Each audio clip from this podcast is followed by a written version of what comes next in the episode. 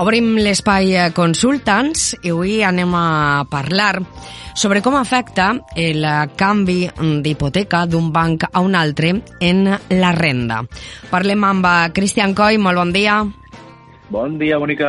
Benvingut. Ai, Hola. és que te fas molt de rogar. La veritat que un poc sí, eh? Estava comentant ahir així, que jo també te trobo a faltar. No sé si, bueno, jo també no, no sé si me trobes a faltar, però jo sí. Jo, no, mira, un... no vull dir-te res, però jo no sé com elles no t'han dit eh, perdona, perquè elles, elles participen més que tu, eh? Estem, estem intentant repartir i com això, com estem fent més coses al despatx, inclús, inclús encara n'hi haurà més gent que participarà al programa però sí, sí, jo també, jo també tenia ganes ja de, de xerrar un ratet amb tu i de contar-te... Jo dic, ja no me'n recorde ni de la veu. Interessants. Ai, ai, ai. Però tens que vindre a veure'm, eh? Que no has vingut al nou despatx. Sí, sí. El que passa és que ara no te... me pilla un poc més junt. No te vengues, no te facis de robar, eh? no facis com jo, eh? no, no, aniré, aniré. Ah, va, deixa't veure. Pues no res, mira, anem a parlar avui d'aquest tema, com ja t'he dit moltes vegades, el tema de sintetitzar tot el contingut d'un programa en un títol. A vegades me ve molt malament. Però perquè... jo l'he sintetitzat, mira, jo he posat la renda i el canvi d'hipoteca. Molt bé, sí, està molt bé, està molt bé. El que vull dir és que al final el que vaig a intentar és eh, parlar de, per una notícia que he eixit en els principals diaris econòmics, sobretot del, del país, parlar i tractar un poc en, en el sentit global de la notícia, perquè al final la notícia el que dia és que Hisenda havia tret una consulta vinculat, publicada l'1 de setembre, en la qual sí que és de veres que damunt depèn del titular que llegires, que ara, ara te llegiré perquè veges també el curiós d'aquestes coses, però que al final realment el que ve a dir és que el canvi d'entitat financera de la hipoteca, és a dir, cancel·lar-la i passar-la a una altra entitat, mm. no implica que pugues deixar d'aplicar-te la deducció per inversió en vivenda habitual, que hem comentat moltes vegades en programes i que ara, de, de cara a final d'any farem un programeta de les principals avantatges fiscals per a reduir els impostos de cara a la renta de l'any que ve, sí. eh, com és una de les principals deduccions que n'hi ha, realment no afecta al canvi d'hipoteca. I per què d'aquesta notícia i per què me pareixia que podíem treure un programa interessant? Pues per el context en el que estem. Al final, degut a la crisi que ja estem i la que s'espera, i eh, donades les circumstàncies que estan envoltant a l'evolució de l'Euríbor i de les, dels percentatges d'interessos de les hipoteques, me pareixia que la, la notícia no era només la notícia, sinó el per què, què n'hi ha darrere d'això. És a dir, algú, alguna persona interessada ha llançat aquesta consulta, disculpa, a la Direcció General de Tributs el per què se llança aquesta consulta precisament ara, quan evidentment és algo que sempre ha existit la possibilitat de fer no sols una cancel·lació i apertura, és a dir, traslladar, subrogar aquesta hipoteca a una entitat, sinó que també se poden produir el que es diu una novació. Una novació respecte d'una subrogació, la diferència està que quan jo subrogo la hipoteca d'una entitat financera a altra, el que estic és traslladant-me exactament en les mateixes característiques, però evidentment les condicions econòmiques que me planteja l'altra entitat són diferents, però el bé hipotecat, el, el plaç, eh, els, els deudors vale? i la garantia hipotecària en este, en este cas, volia dir, eh, són els mateixos. Quan fem algun canvi dintre d'aquestes condicions, com puga ser tant pels deudors com el, el bé hipotecat, com les condicions generals de, de la hipoteca en quant a plaç d'amortització i de més, ahí se produeix el que es diu una innovació. ¿vale? Però això que era algo que es podia fer exactament igual, per què algú es molesta en llançar aquesta pregunta a Hisenda? És a dir, si modifique la meva hipoteca actual i la trasllada en altra entitat o faig una innovació, uh -huh. m'aneu a deixar continuar eh, deduint la, la, la inversió en vivenda habitual? Val, pues sí que se va a poder. ¿vale? Clar, el per què és molt evident, el, el per què és evident, no? En aquests últims anys ha hagut una evolució de lo que són els tipus d'hipoteca en interès fixe o interès variable. Abans, habitualment, durant els anys enrere, totes les hipoteques, o la gran majoria, disculpa, eren d'interès variable. Sin embargo, va haver un canvi d'evolució, de tendència, a un interès fixe, també un poc realment un poc provocat per les entitats financeres. donat que l'Euríbor estava en, en negatiu inclús, vale? l'índex més, més conegut i més comú, que és l'Euríbor, l'índex de referència interbancari, resulta que estava en negatiu, els interessos estaven en negatiu. Quan tu havies contractat eh, una hipoteca feia 15, 20, 25 anys, tu tenies l'Euríbor més un diferencial. Damunt, eh, més o menys d'uns 20 anys cap a un diferencial inclús baixet pues, d'un 0,5 a un 1%, a un, a un 1,5. Què passa si l'Euribor està negatiu i jo li sume aquest interès variable, realment estava pagant uns interessos baixets. Què passa? Les entitats financeres, al final els, inter els ha interessat un poc clavar la, la por en el cos, que tampoc era una por no fonamental. Realment, ara estem veient el que passa quan es comencen a haver una època d'inflació i, una, i un canvi de tendència alcista de l'Euríbor i no en xifres negatives, que evidentment això era impossible que continuara de per vida, però sí que és de veres que a la que se produeix aquesta situació, aleshores ja la hipoteca variable ja no resulta tan interessant. Hi ha hagut diferents tipus d'evolució. Hi ha hagut des de que el tipus de... En una, en una hipoteca variable, uh -huh. el tipus d'interès i variable ha passat de ser un diferencial xicotet a quan, evidentment, les entitats financeres ven que el rendiment que treien de deixar diners no era suficient, es començaren a augmentar els tipus, a, a, a tipus variable, al veure que realment l'Euribor no pujava, no pujava, no pujava. Quan això s'ha mantès a lo llarg del temps, inclús s'ha instaurat, s'ha intentat eh, vendre més el, el, el que és la hipoteca a tipus fixe. Per què? Perquè així, diguem que ja t'anaven advertint o t'anaven fent veure que la evolució possible de l'Euríbor anava a ser alcista, per lo tant, contracta una hipoteca fixa, així no tindràs després ninguna sorpresa. Evidentment no és, una, no és un mal argument, vull dir que no és que estiguen dient ninguna tonteria. Si tu tens clar, contractes a un tipus fixe la teua hipoteca, encara que l'interès siga més alt que d'un tipus variable que pugui estar oferint-te, també és de veres que és una forma més eh, raonable, diguem, de tu poder fer-te càlculs en ta casa. Si tu en ta casa t'entren 1.000 euros i saps que pots suportar una hipoteca de 400 perquè el teu estil de vida i, i, i despeses habituals o comunes te ho permetixen, mm -hmm. pues, evidentment te pot interessar anar i dir, i dir pues sí, pues sé que estic pagant un tipus d'interès més alt que si fos una, una hipoteca variable, però resulta que així m'assegure que els 20 anys que vaig estar hipotecat vaig a pagar sempre la mateixa quota i no vaig a endur-me ningú susto. Pues, sí. escolta, és completament raonable, no és ninguna tonteria. Al final el que estàs fent és ajustar la teua, els teus números de casa ¿vale? a, a, al producte. Que pagues més interessos? Sí, però assum, diguem, assumixes aquest cost respecte a la tranquil·litat de no estar pendent de l'evolució de l'Euribor. Perquè ara, està degut a la inflació, estem escoltant en les notícies de, ja de forma massa habitual que el Banc Central Europeu està cada volta imposant uns tipus d'interès més alt, està pujant l'interès, el qual afecta directament a l'Euríbor i, i està produint un encariment de totes les hipoteques. S'està dient que la mitja d'increment pot aplegar de 200 a 300 euros de, de despesa en la hipoteca de forma mensual. Clar, això... O sigui, van a pujar-te de forma mensual i aquests diners. Se calcula que per, per el volum d'hipoteques, ¿vale? per el volum total al final del capital amortitzar, el sobre, aquest increment de l'Euríbor que està vent va provocar un increment mig, evidentment, hi haurà qui li afectarà 50 euros, n'hi haurà qui li afectarà 400, tot depèn dels diners que li des al banc. Però se calcula que hi haurà un increment mig d'entre 200 i 300 euros per mensual per família. Clar, I això dona això igual que la tingués fixa que variable?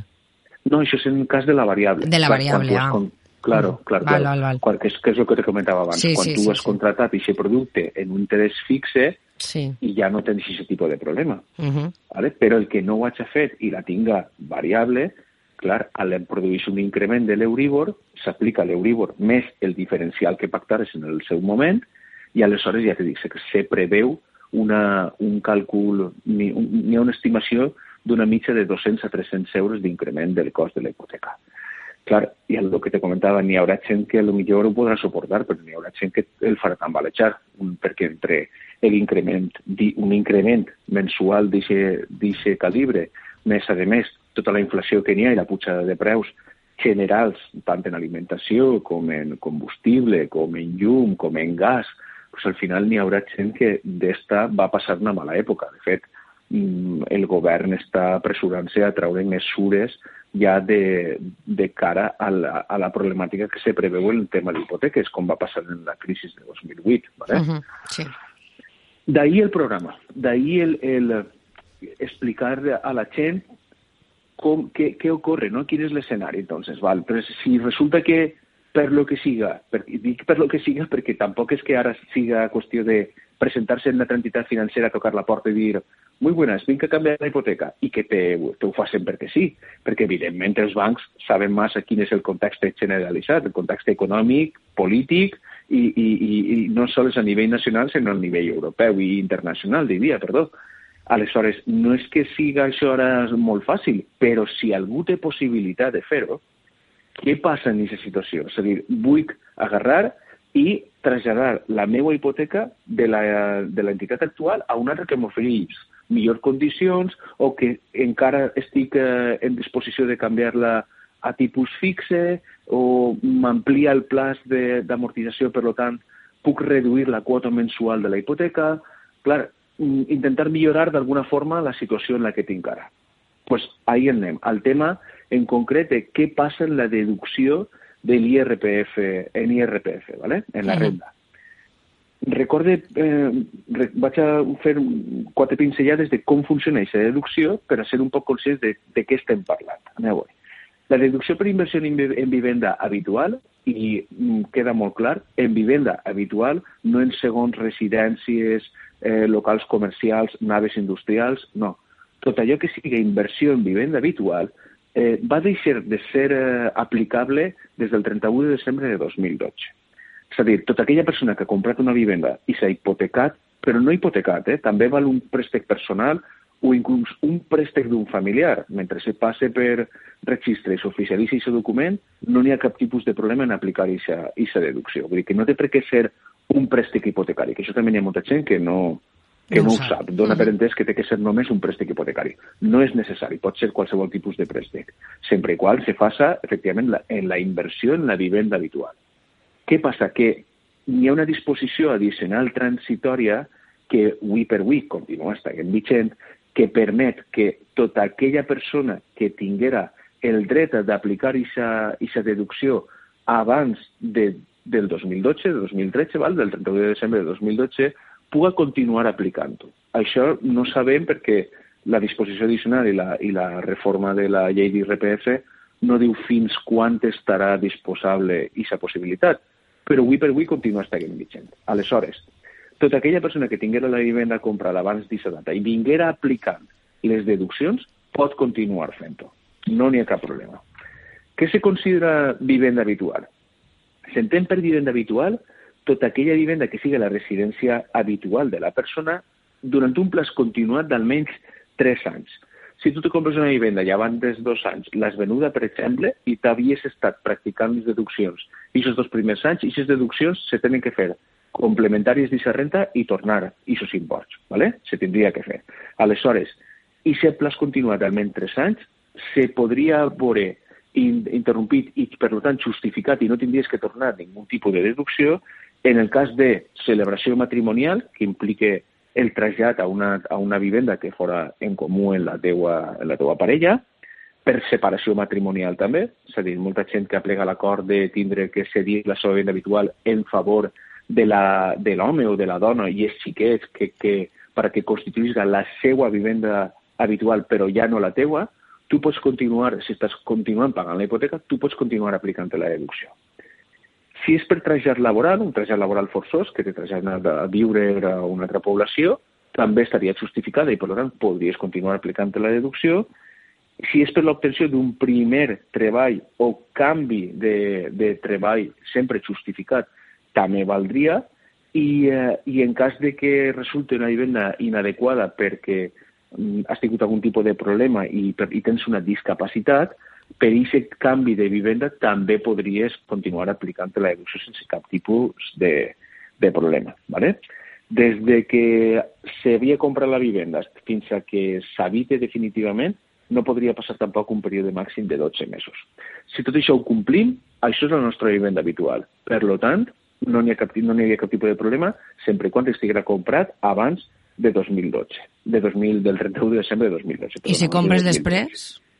Si compres després, tota aquella persona que ha comprat a partir de 2013 ja no ha pogut aplicar-se aquesta deducció. O sea, tu te compres una vivenda i no pots deduir-la en la renda? Avui per avui no. Fantàstic. Avui per avui no. I, a més, és, ja, ja perdó la, la insistència, però havia vingut i és per a alguna gent encara una de les principals deduccions de, que existeixen. Per què? Perquè hi ha un tope màxim, ¿vale? o sigui, tu pots deduir, la base de deducció pot ser de fins 9.040 euros. ¿vale? És a dir, uh -huh.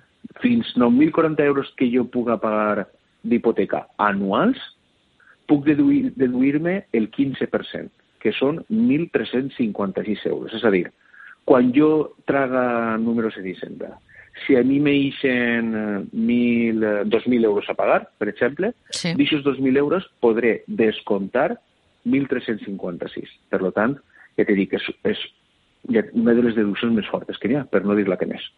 ¿vale? Ah. de forma habitual, me refereix, per, per que, la gent comú i corrent. Que hi ha per a, per a alguns, perquè clar... Sí, sí, correcte, per a alguns. Tota aquella persona que hagi comprat vivendes a partir d'aquesta data, eliminant aquesta deducció. Molt bé, eh? molt bé. Entonces, sí. a banda, n'hi ha que tindre en compte que Estem, també estem facilitant tot, tot, eh? Sí, sí. Que la gent compre vivenda i aquestes coses, sí. Correcte, això és una, és una barbaritat. uh, de quina forma també se pot, diguem, anticipar aquesta deducció? És a dir, no esperar a renta, entre cometes. pues, quan eh, entrem a principi d'any solen donar-nos en les empreses un model que es diu el model 145. En aquest model el que fem és manifestar a l'empresa per a la que treballem les nostres circumstàncies personals, familiars i econòmiques. És a dir, si tinc una criatura, si ne tinc dos, si estic casat, si estic solter, si la meva parella guanya més de 1.500 euros anuals, si algun membre de la unitat familiar té algun tipus de discapacitat, i entre altres coses, entre totes aquestes coses i, i altres més, però són, són les més importants, també si tinc dret a la deducció per vivenda habitual.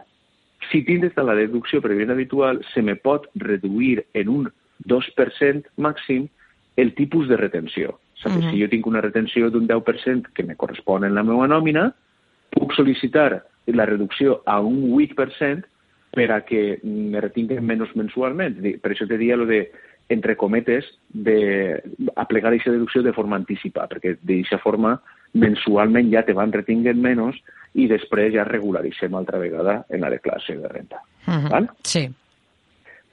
Una volta repassat així un poquet ràpid per damunt, el que és la deducció per vivenda habitual i com funciona, i, i torno a repetir, la importància que té el que estem contant, què diu la Direcció General de Tributs respecte al tema del canvi d'entitat financera?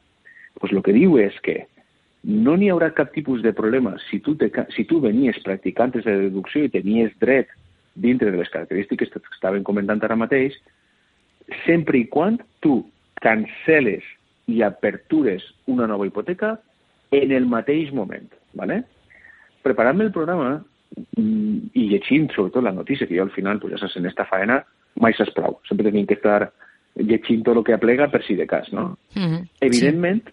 quan vaig veure la notícia, el titular, perquè me va fer molta gràcia, perquè, per exemple, en l'Economista, el canvi d'hipoteca anual, eh, perdona, el canvi d'hipoteca anula la deducció de la vivienda del IRPF y de atributos modifica su criterio y penaliza cancelar el préstamo y contratar uno nuevo si no son operaciones simultáneas. Pero a priori el titular de la noticia es no canvies de banc, ¿vale? Sí. Sin embargo, en altres, en altres eh, periòdics di, de, el, el, el titular era completament diferent, dient que Direcció General de Tributs mm, te permetia el canvi sense cap tipus de problema perquè tu pogués continuar aplicant la deducció. Al final, eh, clar, llegint tot i, i anant a llegir-me la consulta vinculant, realment Hisenda no te fica ningú tipus de problema. I realment, en, no sé, en la gran majoria de casos, perquè sí que poden haver casos estranys, però normalment quan se produeixen aquest tipus de situacions, efectivament, uno primer trau els diners de la nova hipoteca per a poder anar a l'altre banc i cancel·lar l'anterior i solen ser, efectivament, operacions que són simultànies, m'entens? Sí. A no ser que és que tu, per algun miracle, Nostre Senyor, tingues diners i vagis a cancel·lar una i després se t'ocorrís a fer un altre crèdit hipotecari per comprar-te una altra cosa. ¿vale? has, has estat ahí molt bé, eh? per a un miracle. Sí, Podria, es podria donar. És Sí, a dir, sí, no, clar. A Vale? veure. Anem a fantasejar un poc. Eh, agarra i me toca la loteria o rebo una... Ja estem en la loteria, eh? Avui ha eixit Sí, ja l'anunci estem, ja de, de la loteria. Ja estem, ja estem. Si no res, ja estem fent el programa. Va. Sí. el, eh, el tema està en que me toca la loteria, per dir una tonteria, o me, o me una, una herència, val? Sí. i jo agarro i me'n vaig i cancele el préstec hipotecari. I resulta que al cap de tres mesos se m'ocorrís dir, pues mira, el mal és que vaig a clavar-me, jo què sé, en una operació d'una compra-venda d'un negoci o de o d'una altra vivenda que així trobo una oportunitat, vaig a fer un préstec hipotecari de la casa Ixa, trac els diners els invertisc allí. Molt bé, però ja no és inversió en vivenda habitual. I encara que la vivenda originalment sobre la que estem tragant la hipoteca estiguera comprada originalment, jo què sé, en el 2010, que tindríem de deducció, ja no se considera un canvi d'hipoteca per a la, el pagament de la vivenda habitual. Aleshores, ja no seria deduïble. Hisenda i la Direcció General de Tributs fa molta insistència en que té que ser tot de forma correlativa. Per lo tant, la gent, abans de fer aquest tipus de moviment, que s'assegure que la entitat en la que va contractar la nova hipoteca va, ser, va a formalitzar l'operació de forma simultània a la cancel·lació de l'altre crèdit hipotecari. Eh, tot ben parlat en notaria, tot ben programat, i m'entens? Si Mhm. cancele una, no obric una altra. Els diners, els diners se paguen d'una, normalment se fa així, eh? se paguen d'una entitat financera a l'altra per la cancel·lació de la hipoteca i ja està. Respecte, per exemple, que és una pregunta interessant també, què passa en totes les despeses que tinc que pagar ara per el canvi d'hipoteca? Perquè, clar, ahir se produeixen comissions per, per cancel·lació anticipada, comissions per subrogació, és a dir, n'hi ha que llegir-se bé l'escriptura del primer préstec hipotecari, n'hi ha que llegir-se-lo bé per veure quines són les comissions que me van a aplicar. Vull dir que no és només me vaig, me subrogue i ja està. Ojo que això va tindre un cost, un cost en comissions d'índole financer, però és que també n'hi ha que veure el nou banc, la nova entitat, què me va a cobrar per, per aperturar-me el nou crèdit. ¿vale? Mhm. Entonces, n'hi ha que tenir en compte comissions de subrogació de la entitat anterior, en la comissió per cancel·lació anticipada, en la entitat anterior. Totes aquestes condicions venen en les- venen en l'escriptura de la hipoteca, ¿vale? en les condicions econòmiques. Per tant, n'hi ha que llegir-se-ho i saber quin és l'import que me va costar. I Senda, en aquesta consulta vinculant, ve a dir que si jo trac un préstec hipotecari més alt per a pagar no sols la cancel·lació de l'anterior, sinó també totes aquestes comissions i despeses de la creació de la nova hipoteca, no n'hi ha cap tipus de problema. Se pot continuar deduint per aquestes despeses addicionals. M'has entès, Mari Carmen? Sí, Perdona, sí, m'he sí, sí, jo bé? sí, sí, no. Sí? És que estic en els, en els cinc cèntims només. Gràcies. No és, no és només el, el, la cancel·lació i ja està, sinó totes les despeses que pugui generar l'operació. Sí. Què m'agradaria també explicar, aprofitant, que, què passa en, el nou, en el, la nova entitat financera. La nova entitat financera, després de l'última reforma de la llei hipotecària de 2019, cal tenir en compte que està obligada a, per llei a assumir el cost de notaria, gestoria i, el, i els impostos d'acte jurídic documentat. El que sí que ens poden exigir a nosaltres com a consumidor és la tassació. L'import de la tassació sí que, el, el, sí que el tenim que pagar nosaltres. Però el resto de despeses van a càrrec de l'entitat financera. Per tant, i les despeses ja són menors, el que n'hi ha que estudiar molt bé són, són les despeses de la cancel·lació del primer crèdit hipotecari. Però, en general, no sé si t'ha valgut... Jo crec que el programa és interessant en aquest sentit que no és només eh, tindre en compte des de l'aspecte financer, de no, no, me'n vaig perquè vaig a estudiar-me a veure què m'interessa més, una hipoteca tipus fixe, tipus variable, l'estalvi que vaig tindre o la tranquil·litat que vaig comprar-me, ¿vale? en, Sí. en que siga pagant més diners, sinó que cal tenir en compte el, què passa en la deducció de vivenda, com ho tinc que formalitzar, agafar les escritures i estudiar-les bé, estudiar bé els, tota la proposta econòmica per part de la, de la entitat financera en la que anem a firmar ara la hipoteca, eh, què passa amb les despeses d'eixes formalitzacions d'escritures, que les, me les té que pagar en la nova entitat, no l'anterior, què, què me va costar cancel·lar l'altra hipoteca, mm, s'ha de mirar tot bé per a no tindre ningú tipus d'error ni de sorpresa ni de ninguna, de ninguna classe ni ninguna índole. I per això, per a aquestes coses i altres de les quals parlem en consultants, estan, eh, estan ells, esteu vosaltres, en COI i associados. Sí, senyora, així estem. Recorda'ns on esteu ara. Correcte, ara estem ja instal·lats des de fa ja definitivament un parell de setmanetes, encara que tenim així encara estem acabant d'instal·lar coses, en el nou despatx a l'Avinguda Pare Pompili 48. Eh, al telèfon 667 35 33 22, i si és el meu telèfon, si algú té una consulta que fer al respecte. I res, efectivament, com, com bé ja saps, no sols ens encarreguem de gestionar el temes, temes fiscals, sinó també temes de jurídics, com puc ser supervisar i acompanyar a la persona en tot l'estudi jurídic de l'operació de cancel·lació i apertura, i també a nivell financer. Uh -huh. O sigui que podem assessorar i buscar solucions de tot tipus. I, i així estem. Encantats d'estar en tu una setmana més i d'ajudar a qui, a qui ho necessite. Cristian, gràcies Dime. per estar. No te faig tant de rogar. Bueno, no pots fer-te molt de rogar, que d'ací no res hem de parlar de premis. Sí, tenim que parlar de, de moltes coses, ¿vale? I tu també, per favor, vine-te'n, que sí. m'apetís que veig bueno, els temes. Ara quan ho tingues acabat, eh? que si no eres capaç de posar-me a fer faena. Home, no, jo vinc no. que sí, dissabtes, diumenges, el que farà falta. No, no, no, no, no. Pots vindre a l'hora que vulguis, eh? Jo vull que anar, que ho tingues ja tot, eh, tot com toca. Fa dos dies parar la policia, sí, per la nit, diguem que havia vist les llums enceses a, ja quasi les 11 de la nit. A altes hores. Nosaltres, claro, dic, nosaltres no tenim, no tenim prou hores al dia. Estem, estem bé, estem Dile, bé. señora gente, no tenemos ni hora ni fecha en el calendario. Correcte, no, no, però veus, això és un bon funcionament de la policia local d'Alcira. Pues sí. Jo molt agraït, moltes gràcies. Sí, sí, sí, moltes gràcies. Cristian, es veiem pronte. Vale, un beset, això esperé. Gràcies. Gràcies, adeu. Adeu, adeu.